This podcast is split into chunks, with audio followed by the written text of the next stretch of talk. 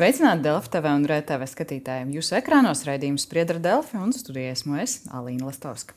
Plašu rezonanci un arī diskusijas raisīja metodiskais materiāls skolām par seksuālo un reproduktīvu veselību. Par šo materiālu notiek dienesta pārbaude, un valsts izglītības satura centra vadītāja Lielina Voroņenka ir atstādināta no amata uz disciplināru lietas izmeklēšanas laiku.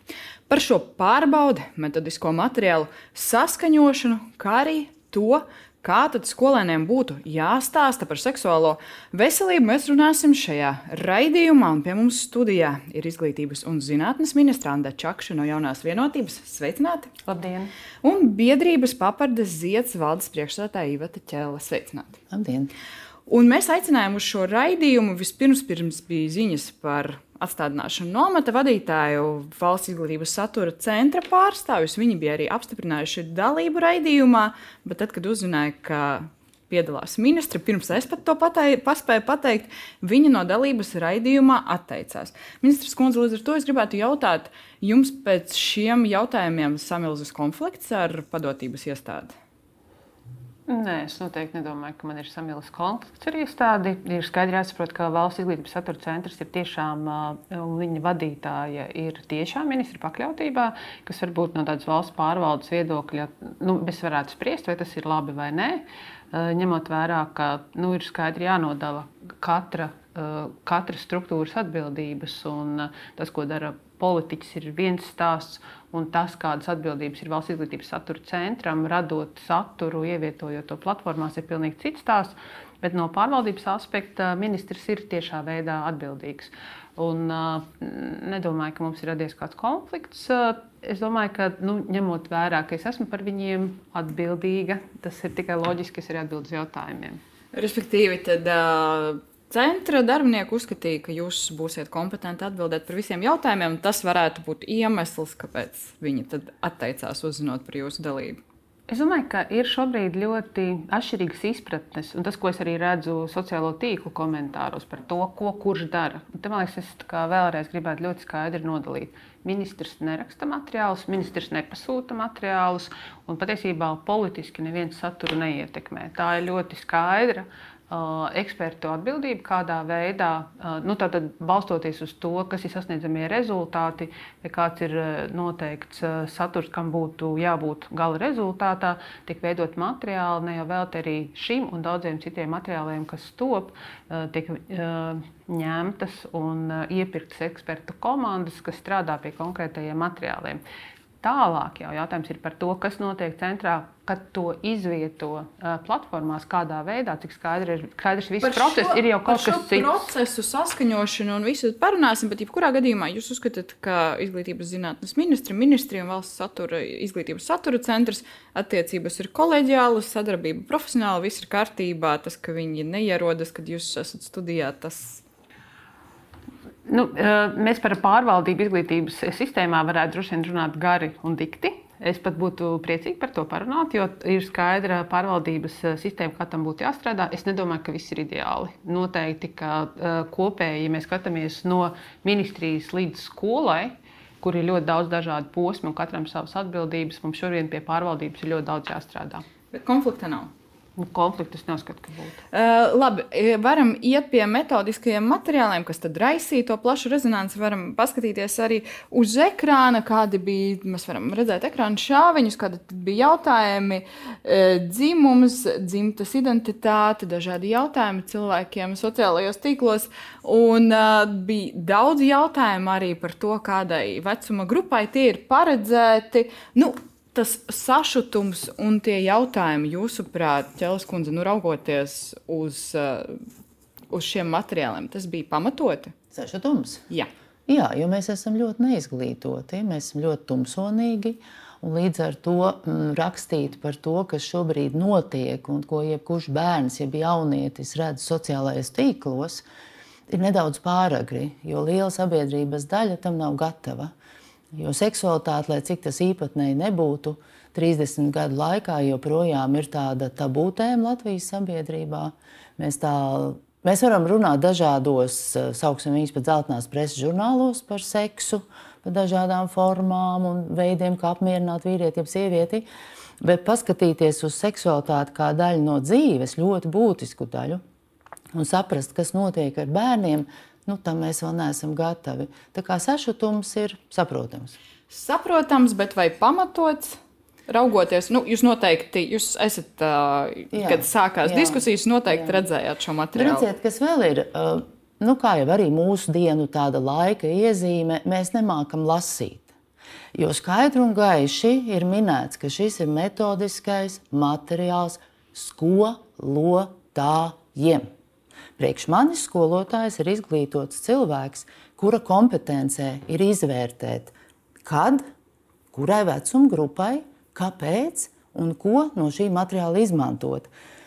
Ja man kāds būtu vaicājis materiāla sagatavošanas procesā, es noteikti teiktu, šo atstājam beigās, maziem burtiņiem, tikai skolotāja informācijai. Jo reāli gadījumi ar bērniem skolās ir, kur viņi par to runā un vēlas uzzināt. Tāds īsais komentārs. Līdz ar to jūs teiktu, ka vajadzētu vairāk paļauties uz eh, skolotājiem un viņu arī spēju izmantot šādus materiālus, un tad tālāk arī runāt ar skolēniem. Nu, jā, tas mums jāizvērtē, vai skolotājs mums ir profesionāls vai nav. Ja mēs pasakām, ka skolotājs nav profesionāls, nu, tad mums vajag pavisam citu sarunu. Mhm. Jūs jau izteicaties sociālajos mēdījos, varam atgādināt, ko jūs teicāt. Cilvēki ir dažādi, kā jau mēs šeit arī minējām, jūsu kolēģi. Jārunā sabiedrībā, bet nebija ievērota laba pārvaldība, tie tika izņemti. Tad jūsuprāt, tas, kā tas notika, sašutums, tad, kā, ko mēs jautājam, ir pamatots jūsuprāt par šo? Nu, redzat, ja Ja man jautātu, vai es gribētu, lai mans bērns ierauga vienkārši sociālā, sociālos tīklos vai platformā šos materiālus, un tā kā tur rakstīts 4. klase, man arī te, es teiktu, nē, jo katrai vecuma grupai ir atbilstošs veids, kā viņiem ir jāsaņem informācija par seksuālo izglītību. Uh, un, un te man jāpiekrīt absolūti Ķēles kundzei, šie materiāli ir metodiskie materiāli skolotājiem. Un tas, kur viņi tika ievietoti, diemžēl nevis sadaļā tikai skolotājiem, bet pieejami arī bērniem. Un, uh, tā ir pirmā daļa, par ko uh, mēs varētu skaidri runāt, kas no pārvaldības viedokļa nepareizi ir izdarīts. Un, attiecīgi, tur ir vēl vairākas lietas, par ko arī notiek šī pārbaude, kāpēc notika tieši tā un nevis citādāk.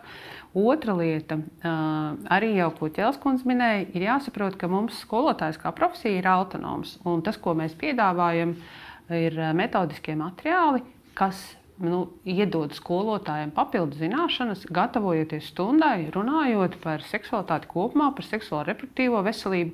Jo atcerēsimies statistiku. Latvija ir valsts, kur ir ļoti daudz pusauģu grūtniecības. Latvija ir valsts, kur pusauģiem bērniem ir seksuāli transmisīvas slimības. Un tas nav no labas zināšanas, tas ir no zināšanu trūkuma. Jautājums, kur viņi šīs zināšanas iegūst, vai tie ir ģimenei vecāki, kur mums jāpieņem, ka viņi būtu sagatavoti, vai tā ir skola, kur mēs nu, dodam saviem bērniem pietiekami daudz informācijas. Tā ir viena sadaļa. Tātad.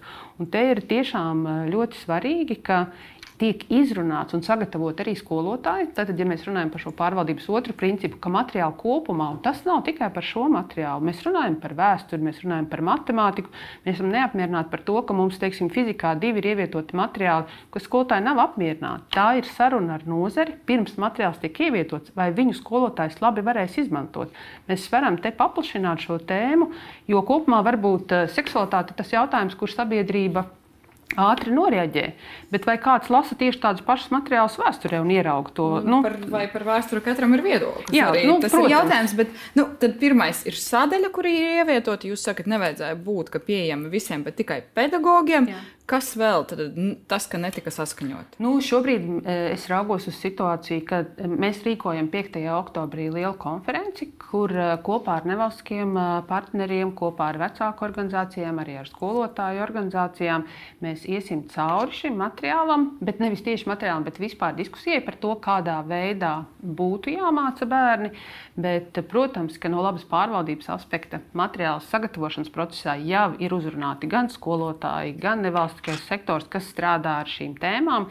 Es domāju, ka š, nu, no šodienas aspekta piem, labs piemērs ir fizika viens, kur kopā strādā zinātnieki, skolotāji, metodiķi. E, tā būtu strādāts pie šī materiāla, noteikti tas būtu pilnīgi citādāks. Bet Bet nu, tas, ko es cenšos saprast, vai visus metodiskos materiālus, kas to pedagogiem, tiek ar kādu saskaņoti. Tie, kas saskaņoti ar nozari, kā šajā gadījumā, nu, nu sauksim to par nozari. Es teiktu, tā, ka tā ir visvājākā vieta.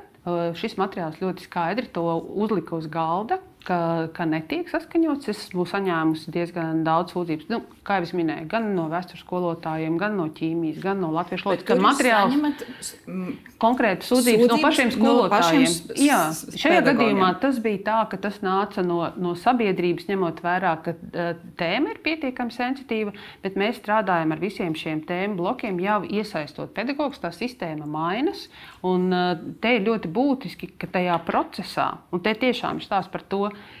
kā tiek strādāts kopā ar skolotājiem, ar, ar metodiķiem, zinātniekiem, lai šis materiāls, nu, tas nav tikai trīs ekspertu gara darbs, tas ir kaut kas, kas būs tālāk jāizmanto. Un nav jēga investēt finansējumu, ja pēc tam mēs visi esam neapmierināti un, un nav labi. Vienkārši tas, ko jūs minat, kad pedagogi rēģē, jā, viņi strādā ar šiem materiāliem, kad uh, sašust vecāki, jā, mēs arī ieklausāmies, bet ļaujam, nu, laikam diskusijai jānorīt profesionālā, tomēr gaisotnē un jārunā, nu, teiksim, teiksim, tā, profesionāļiem par šiem jautājumiem. Kā jums šķiet, Ķelis Kundze?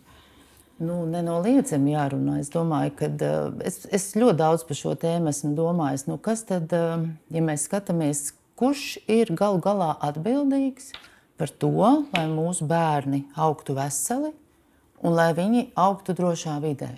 Kur atbildība tā ir? Jo šobrīd tā ir viena no polemikām. Ir daļa vecāku, kur uzskata, ka īpaši tik jūtīgas tēmas kā seksualitāte, un reproduktīvā veselība jāatstāj vecāku pārziņā. Ja? Tāds viedoklis ir izskanējis. Domājot par to un ieskatoties Latvijas bērnu tiesību aizsardzības likumā, tā gluži viss nav.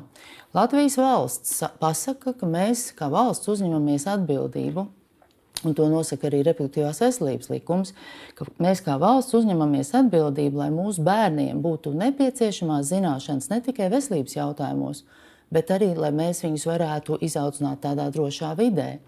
Un patīk mums, ja nē, seksualitāte šodien, īpaši, kad tik ļoti lielā mērā tiek lietot sociālie tīkli, ir arī daļa ne tikai no veselības, bet arī no drošības. Un līdz ar to tā diskusija, kuram tad būtu jādomā par to, kādas tēmas būtu jāmāca un kādā veidā, es tomēr sliecos, ka galavārtam ir jābūt profesionāļiem Latvijas valstī, jo mums ir šī atbildība. Jo vienkārši, kāpēc es šo jautāju par to, vai visi materiāli tiek saskaņoti, tas, ko jūs pieminējāt, daudz un visas šīs diskusijas arī kontekstā, īpaši sensitīvas tēmas. Nu, tādi, tādi jautājumi, par kuriem ir ļoti, kā mēs redzam, sociālajos mēdījos, visiem ir viedoklis, katram ir savs, diskusija notiek ļoti augstos toņos, un tieši kur ir tas brīdis, kad profesionāļi pasaka, ka nē, šīs, šeit viss ir kārtībā. Mēs dzirdējām arī dažādus ekspertu viedokļus gan par pašu materiālu. Uh, viedokļi atšķirās. Tiešām. Un kur ir tas galavārds būs profesionāļiem, vai mēs tā nu, reaģēsim tiešām uz tādu ļoti lielu sašutumu vētru? Nu, Nē, es uh, uzreiz, un zinu, kā man liekas, vieglāk runāt, ja mēs te runājam par latviešu valodu. Jo arī Latviešu valodas skolotāju biedrībā ir uh, diskusijas par to, kādā veidā konkrēto materiālu aiznest līdz skolēnam labākajā veidā. Bet tas konsensus jau notiek starp pedagogiem. Eksperti, zinātnieki, skolotāji savstarpēji izrunā, kuru tēmu, teiksim, gramatiku kādā secībā, tad kādā veidā mēs aiznesam kura vecuma bērniem. Un tad eksperti savā starpā arī šo konsensusu panāk. Protams, nu, ne, te nebūs diskusija ar vecākiem. Līdzīgi jau arī šajā gadījumā. Ja šis būtu bijis konsensus, tad mēs visi arī varam to aizstāvēt. Šobrīd, kad to ir radījusi nu, teiksim, maza eksperta grupa, neizdiskutējot, sanāk tā, un skolotāji nav vēl bijuši pietiekami sagatavoti tam, ka viņiem šāds materiāls ir arī jāstāsta, kas ir vēl viena no tādām diezgan grūtām lietām. Uh, un es teiktu, ka nevajag spiest tiem, kuri varbūt nevar par to runāt. Un tādēļ mums ir nevalstiskās organizācijas, kas arī palīdz skolotājiem skolā stāstīt šīs tēmas. Bet to var panākt, kad ir šis konsensus noticis. Un tādā mirklī mēs sakām, jā, šādā veidā mēs varam stāstīt 4. klasē, pasargājot no nepareiziem pieskārieniem un tādā lietā. Konkrēto materiālu, tad uh, Latvijas ārsta biedrība, māsu asociācija, psihiatru asociācija, papardas zieds, mammai un tētiem, jaunāšu asociācija. Nu, kurš ir tas brīdis, kad atnāks vēl kāda organizācija un teiks, jums ir jāuzklausa arī mūsu viedoklis? Kurš tas lems ar cik plašu loku, kādus materiālus, ar kādiem NVO? Nu, par to kārtību labi mēs runājam par šo mm. konkrēto gadījumu, bet kopumā par izglītības procesu, citiem metodiskiem materiāliem. Kurus viedokļus mēs uzklausām? Kur ir tie viedokļi, mm. uz kuriem mēs paļaujamies? Ja mēs skatāmies uz sociālām tēmām, tad noteikti nu, šādām, kas nav teiksim, gramatika vai matemātika vai fizika, es noteikti teiktu, ka šīm nu, sevi pieteikušām organizācijām mēs noteikti varam izsūtīt un, un saņemt ie, iebildumus vai komentārus. Attiecīgi šis ekspertu lokus vēlreiz iziet cauri un skatās, kur varbūt kaut kas ir aizmirsts un, un kurās lietās mēs nepiekrītam. Bet tas ir ekspertu lokus, kurā ir iekšā profesionāļi. Es vēlreiz teikšu, par tēmu zinātnieki, pedagoģi un metodiķi. Tas ir tas lokus, kas to izšķir. Ne mamām un tētiem var izteikt savu viedokli, bet uh, zinātnieki, pedagoģi un metodiķi, kas ir tas kodols, izstrādājot vispār materiālus kopumā, uh, pie tā arī strādā. Es gribētu varbūt nedaudz papildināt. Uh, no vienas puses, protams, zinātnieki, pētnieki. Absolūti piekrītu. Bet tādā tēmā kā seksualitāte, nekur sociālos mēdījos es neesmu redzējusi uh, pirmkārt pašu jauno cilvēku viedokli. Un pagājušajā gadā strādājot skolās, mēs pagājušajā gadā izglītojam 15,000 jauniešus. Es esmu bijis arī ļoti daudz vecāku sapulcēs. Un nelaime ir tāda, ka šī tēma reāli dzīvē eksistē Latvijā ar mūsu bērniem un mūsu jauniešiem.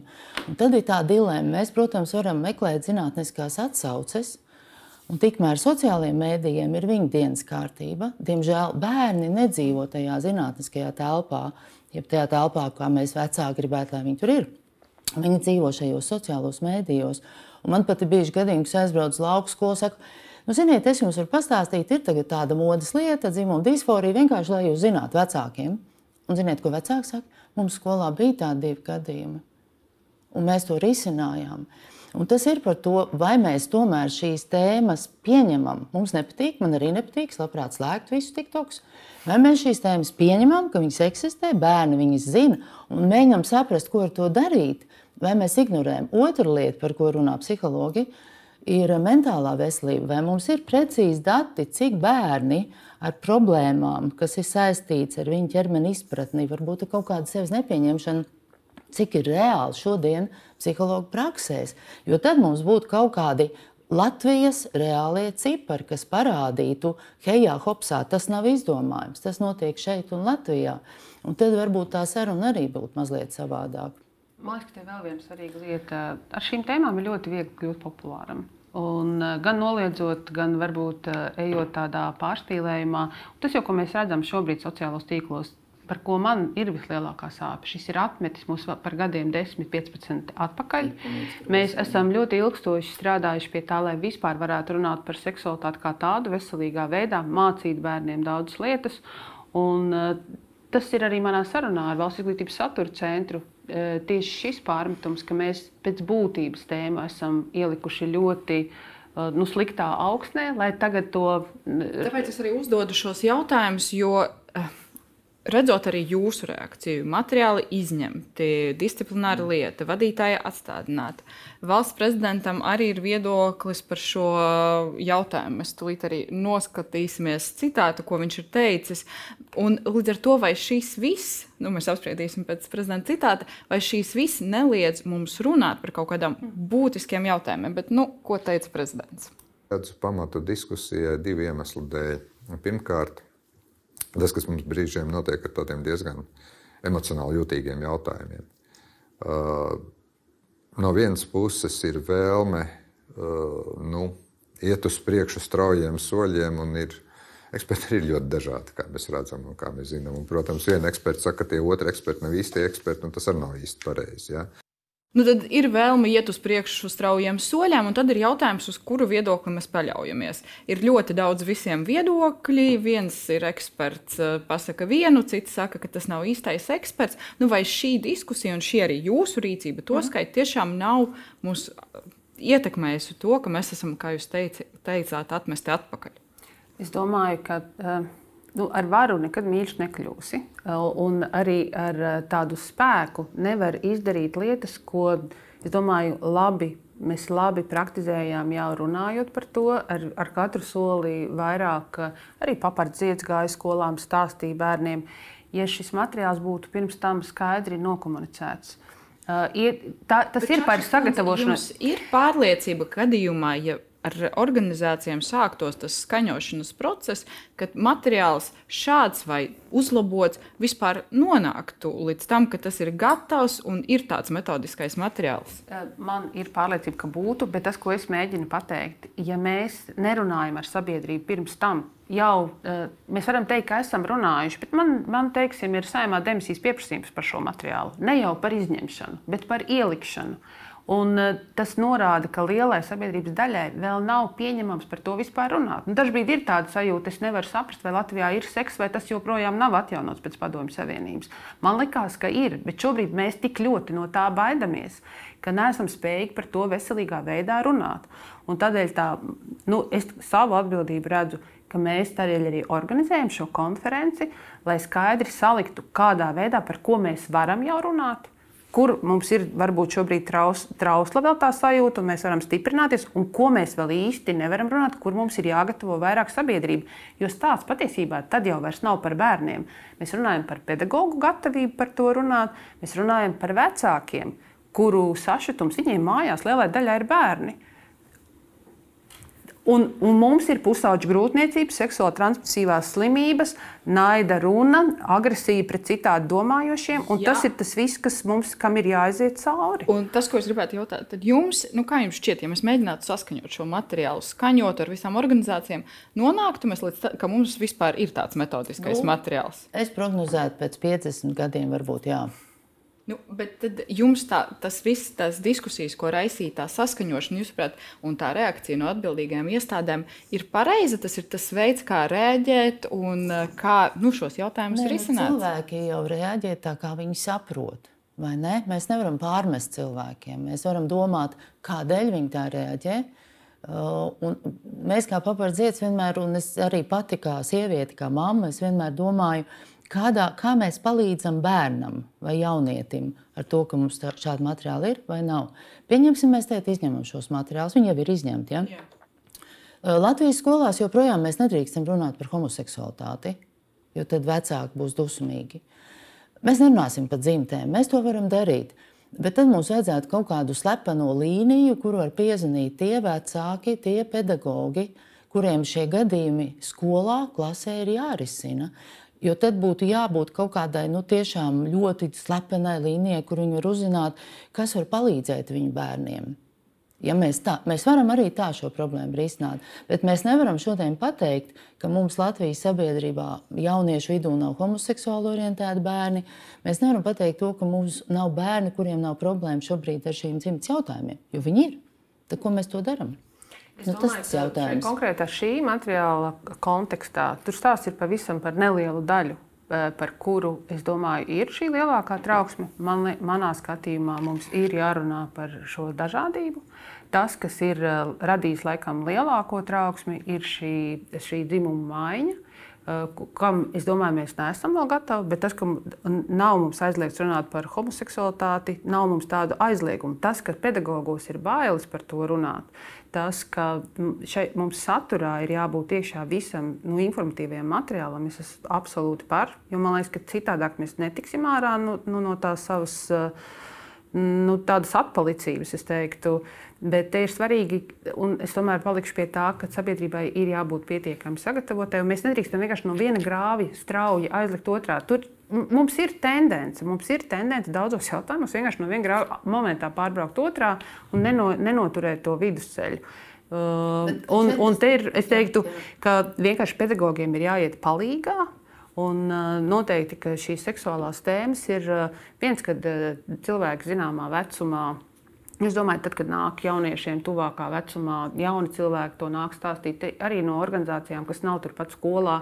Jo jauniešiem ir ļoti liela interese, viņi grib zināt daudz labāk nekā skatoties to TikTokā, kaut kādos vēl visādos portālos. Kā mēs zinām, pavisam mazi bērni iegūst informāciju arī no pornogrāfiskām uh, filmām. Bet šeit es redzētu, kas mums nav bijis. Šeit es redzētu palīdzību ne tikai pedagogiem, bet arī skolu vadītājiem. Jo skolu vadītājiem nereti ir jārisina situācijas ar vecākiem, kur uzskata dēļ uh, nu, seksuālās reproduktīvās veselības tēma nedrīkst būt klasē. Un skolotājiem ir tiešām bailes, un arī skolu vadītājiem, ko es saprotu. Jo, ja man uzbruks, sūdzēsies IKVD, jebkur, tad ir vieglāk šīs tēmas vispār nerunāt. Mm -hmm. Un te, te es atkal domāju par to valsts atbildību un nu, šo bērnu izglītības jautājumos, kā mēs varētu palīdzēt pedagogiem. Un jūs teicāt, ir jautājumi, par kuriem tiešām vēl nu, neesam gatavi runāt, neprotam, nevaram daudz sašutuma. Tur jau ir tas jautājums par šīm tēmām, jo tas pārto par tādu ļoti ideoloģisku cīņu gan mhm. politiķiem, gan sociālajos mēdījos. Vai jūs redzat veidu, kā mēs varam runāt par šiem jautājumiem arī ar jauniešiem, lai tas nenotiek šādi? Un cik ilgi tad jūs runājat par sabiedrības gaisa sagatavošanu? Nu, cik ilgi mēs vēl varam izlikties, ka Nē, nu šis ir ļoti labs jautājums. Ja mēs skatāmies kaut vai par uh, vienzimumu laulību vai kopdzīves likumu atzīšanu, tad mums iet jau cik gadi, un mēs visu laiku atgriežamies vienā un tajā pašā punktā. Uh, līdzīgi, attiecīgi, mēs nespējam runāt arī par seksualitātes jautājumiem. Un tad, ja mēs pieliekam klāt vēl uh, dzimuma maiņas operācijas, kas ir tāds vēl radikāls leciens, protams, tas kļūst viss vēl, vēl daudz sarežģītāk. Mēs skatāmies uz bērnu slimnīcu, kur tā ir, tā ir patiesībā uh, cilvēkiem ģenētiska saslimšana, kur ir jā, jā, jāmaina dzimums. Un, Un, un ir izvietoti materiāli, un arī viņi ir kļuvuši teiktu, par upuriem no šiem uzbrukumiem, dažādiem par to, ka kaut kādā veidā Eh, kāds kaut kur dzen eh, kādu ideoloģiju. Man liekas, ka tā iespēja ir mācīt bērnus. Eh, viņiem vecumam atbilstošā veidā, nodrošināt pedagogiem atbilstošu informāciju un arī apmācību. Un es piekrītu Cēlskundzei noteikti, ka arī atbalsts uh, izglītības pārvaldēm, tādā skolu kontekstā, nu, skolu ekosistēmā. Izklausās nu, tā, nu, teiksim, saprātīgi un pret tā, tādos teikumos ietērptiem vārdiem neviens arī nevarētu iebilst. Tad kur ir tā problēma? Kāpēc tas izskatās, ka nenotiek? Uh, es teiktu, ka šoreiz nu, tas, šī materiāla ievietošana bez šāda plāna skaidra ir tas, kas to, diemžēl, atmeta atpakaļ. Jo es, es iepriekš strādāju Saimnes sociālo darbu komisijā. Ja mēs mēģinātu šo iet šo saskaņošanas ceļu, pēc 50 gadiem jums bija prognoze, ka protams, jā. jā, bet nu, ilgs laiks Tieši vēl nonākt. 30 gadu laikā mēs neesam spējuši saskaņot šādus materiālus. Uh, bet nu, šobrīd es teiktu, ka tas netik ne daudz tajā skaņošanā, cik tajā informēšanā izstāstot, parādot, kas tur būs. Tad tas ir mazliet citādāks stāsts. Jo tiešām atceroties, es vadīju dzimumu līdztiesības un seksuālā reproduktīvās veselības grupu saimā, un tas mums gāja katra reize bija ļoti smaga un sarežģīta. Bet soli pa solim mēs virzījāmies uz priekšu. Man liekas, ka m, kopumā atradām ļoti daudz lietas, kas saistītas ar cīņu pret vardarbību, un kā mēs redzam, tam ir efekts. Jā, tas prasa laiku, bet strādājot un, un tiešām informēt sabiedrību, tam, tam ir efekts. Nevienmēr ir jānotiek notikumiem Jēkabīlī, kāds ir jānoslapkavo, lai mēs tiešām sāktu rīkoties. Un šajā gadījumā ļoti nu, daudz mūsu bērnu cieš. Tā nav jānotiek, bet mēs redzam, ka mūsu bērni tiešām cieš, jo, jo netiek pieņemts viņu seksuālās identitātes, viņu citādība, un mēs mēģinām tēlot, ka tā nav. Nu, viens ir, uh, ministri izteicās par ciešanām, mēs varbūt parunāšu par citu kontekstu. Uh, Mēs visi ļoti esam sašutuši. Nesen izskanēja, ka sportistu vidū ir kaut kādas pornogrāfiskie materiāli. Ja? Tas ir tas, ko mēs dzirdējām. Bet ir ļoti daudz, kas vispār neatnāk līdz mēdījiem, ko klusībā vecāki mēģina risināt. Par to mēs esam ļoti sašutuši, bet atzīt to, ka bērni lieto sociālos mēdījus un ka neredz sociālajie mēdīji ir vienīgais viņa izglītības avots seksualitātes jautājumos, un tad pretstatīt to, kas ir sociālos mēdījos, jebkura profesionāļa vai izglītota cilvēku sarunām ar jaunieti, manuprāt, tas ir ļoti tuvredzīgi. Nu, tas, ko jūs arī jūs pētījāt, um, vērtējāt, nu, runājot ar pedagogiem, un bija tāda pedagoģu zināšanu pašvērtējums. Tas ir galvenais secinājums, ka viņiem trūkst zināšanu pašiem un arī mācību materiālu par seksuālo un reproduktīvu izglītību. Precīzi, un šajā uh, padziļināto interviju pētījumā, kur mēs izpētījām skolotājus no dažādiem Latvijas novadiem un iztaujājām, ne mēs, SKDS, uh, tur parādījās arī šī dimensija, ka skolotāji vēlētos zināt jautājumus arī par dzimtēm, jo viņi ar tiem saskarās. Tā kā to paši skolotāji apliecināja, ka viņi redz, bet viņi nezina, ko tas nozīmē un kā par to runāt. Tā kā savā ziņā šis materiāls ir laikā, tikai veids, kā mēs par to esam runājuši, jeb kādā veidā tas ir bijis, tur iespējams ir bijis tāda kļūme. Labi, nedaudz par to turpmāko rīcību ar konkrēto materiālu. Tad, tad tagad ir notiek saskaņošanas process ar minētajām jau organizācijām. Jūs gaidat atzinumus, tad tos atzinumus izvērtēs un varētu atgriezties ar uzlaboto metodisko materiālu. Tas ir tas veids, kā jūs redzētu to risinājumu. Šobrīd jā, tātad mēs esam izsūtījuši atzinumiem, mēs esam daļu atzinumu arī jau saņēmuši. Otrs, mēs organizējam konferenci plašākai diskusijai kopumā par tēmu eh, seksuālā izglītība un veids, kā, kā nonākt līdz bērniem, un kas būtu tas pareizais veids un pareizā valoda, lai, lai šis jautājums ir dienas kārtībā. Un tad saprast, vai pilnā veidā šis materiāls, vai, vai viņš ir jāmaina vai, vai jākoriģē, ja mēs runājam teiksim, par kaut kādām daļām. Un kā tad vēl atbalstu dot tieši pedagogiem un skolu vadībai, lai tas var nonākt pēc tam līdz bērniem saprotamā veidā. Saprotot, ka mums šī informācija kopumā ir jāiedod. Plus, nu, papildus lieta ir par to vispār, kā mēs, bet tas ir pārvaldības jautājums, kā mēs organizējam savu darbu, lai nu, sadarbība ar skolotājiem un vispār nozari notiek pēc iespējas labākajā veidā. Jūs sakat, nu, ka redzēs, kā vai vajadzēs uzlabot to materiālu. Jūs, jūs teicāt, teicāt, ka jūs negribētu, lai jūsu bērns mm -hmm. varētu izlasīt šo materiālu, tad jūsuprāt, mēs mainām lokāciju, kur mēs ievietojam šo materiālu, lai bērni pie viņa netiek, vai arī jūsuprāt ir jāpārstrādā? Nu, raugo, iepazīstoties noteikti pēc visas šīs diskusijas, jūs esat redzējuši šo materiālu, vai jūsu ieskatā tas ir jāpārstrādā? Manā skatījumā eh, tas ir pedagogiem vērtīgs materiāls, lai viņi iepazītos ar ļoti daudzām lietām. Mums ir vēl ir jautājums par dažiem aspektiem konkrēti šajā materiālā, bet kopumā es uzskatu, ka pedagogiem tas varētu būt vērtīgs materiāls.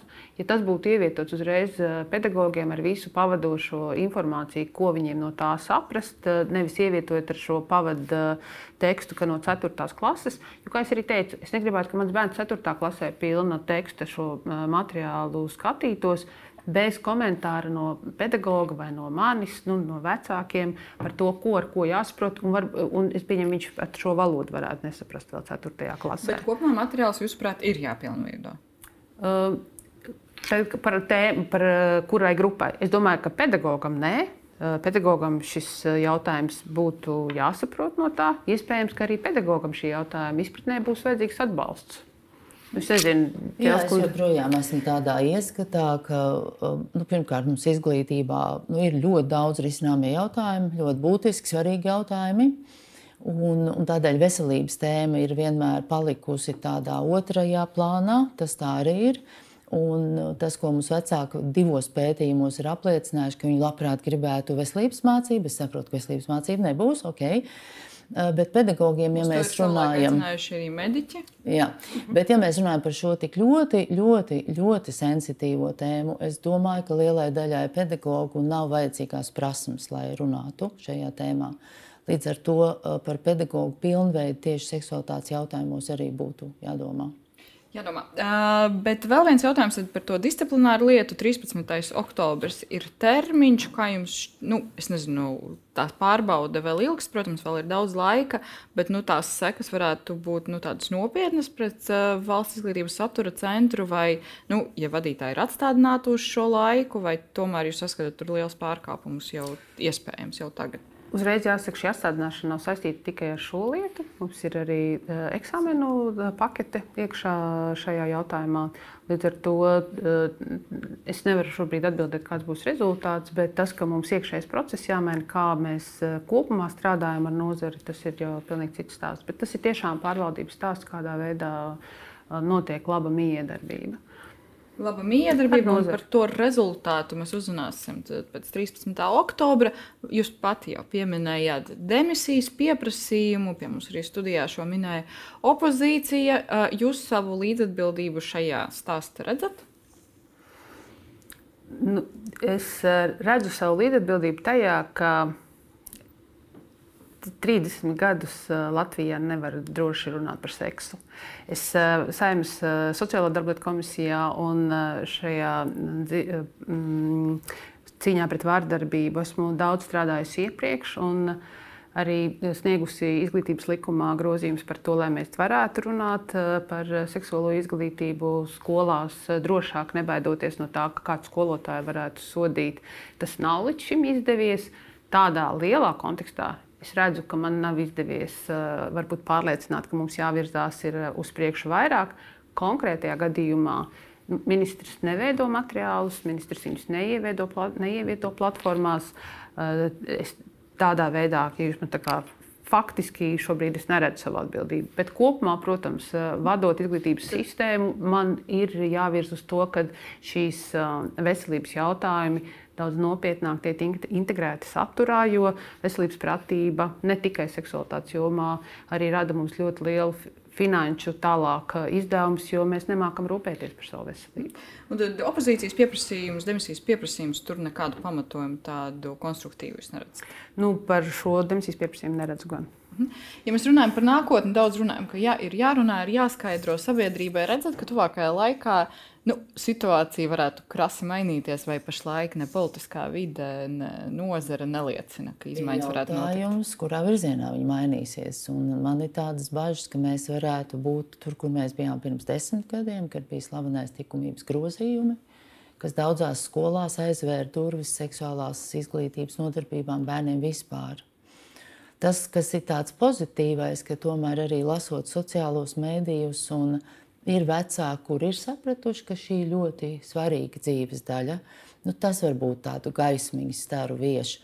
Bet vēlreiz, ja nebūs atbalsts direktoriem, iestāžu vadītājiem un skolotājiem par to, ka šī ir izglītības daļa, kas ir bērniem obligāti jānodrošina, tad es saredzu, ka būs sarežģīti. Nu, lūkosimies, kā tā situācija attīstīsies, kas būs, kas notiks ar tiem metodiskajiem materiāliem. Paldies jums šodien par šo sarunu. Paldies jums, kas skatījāties, un uz tikšanos jau drīz.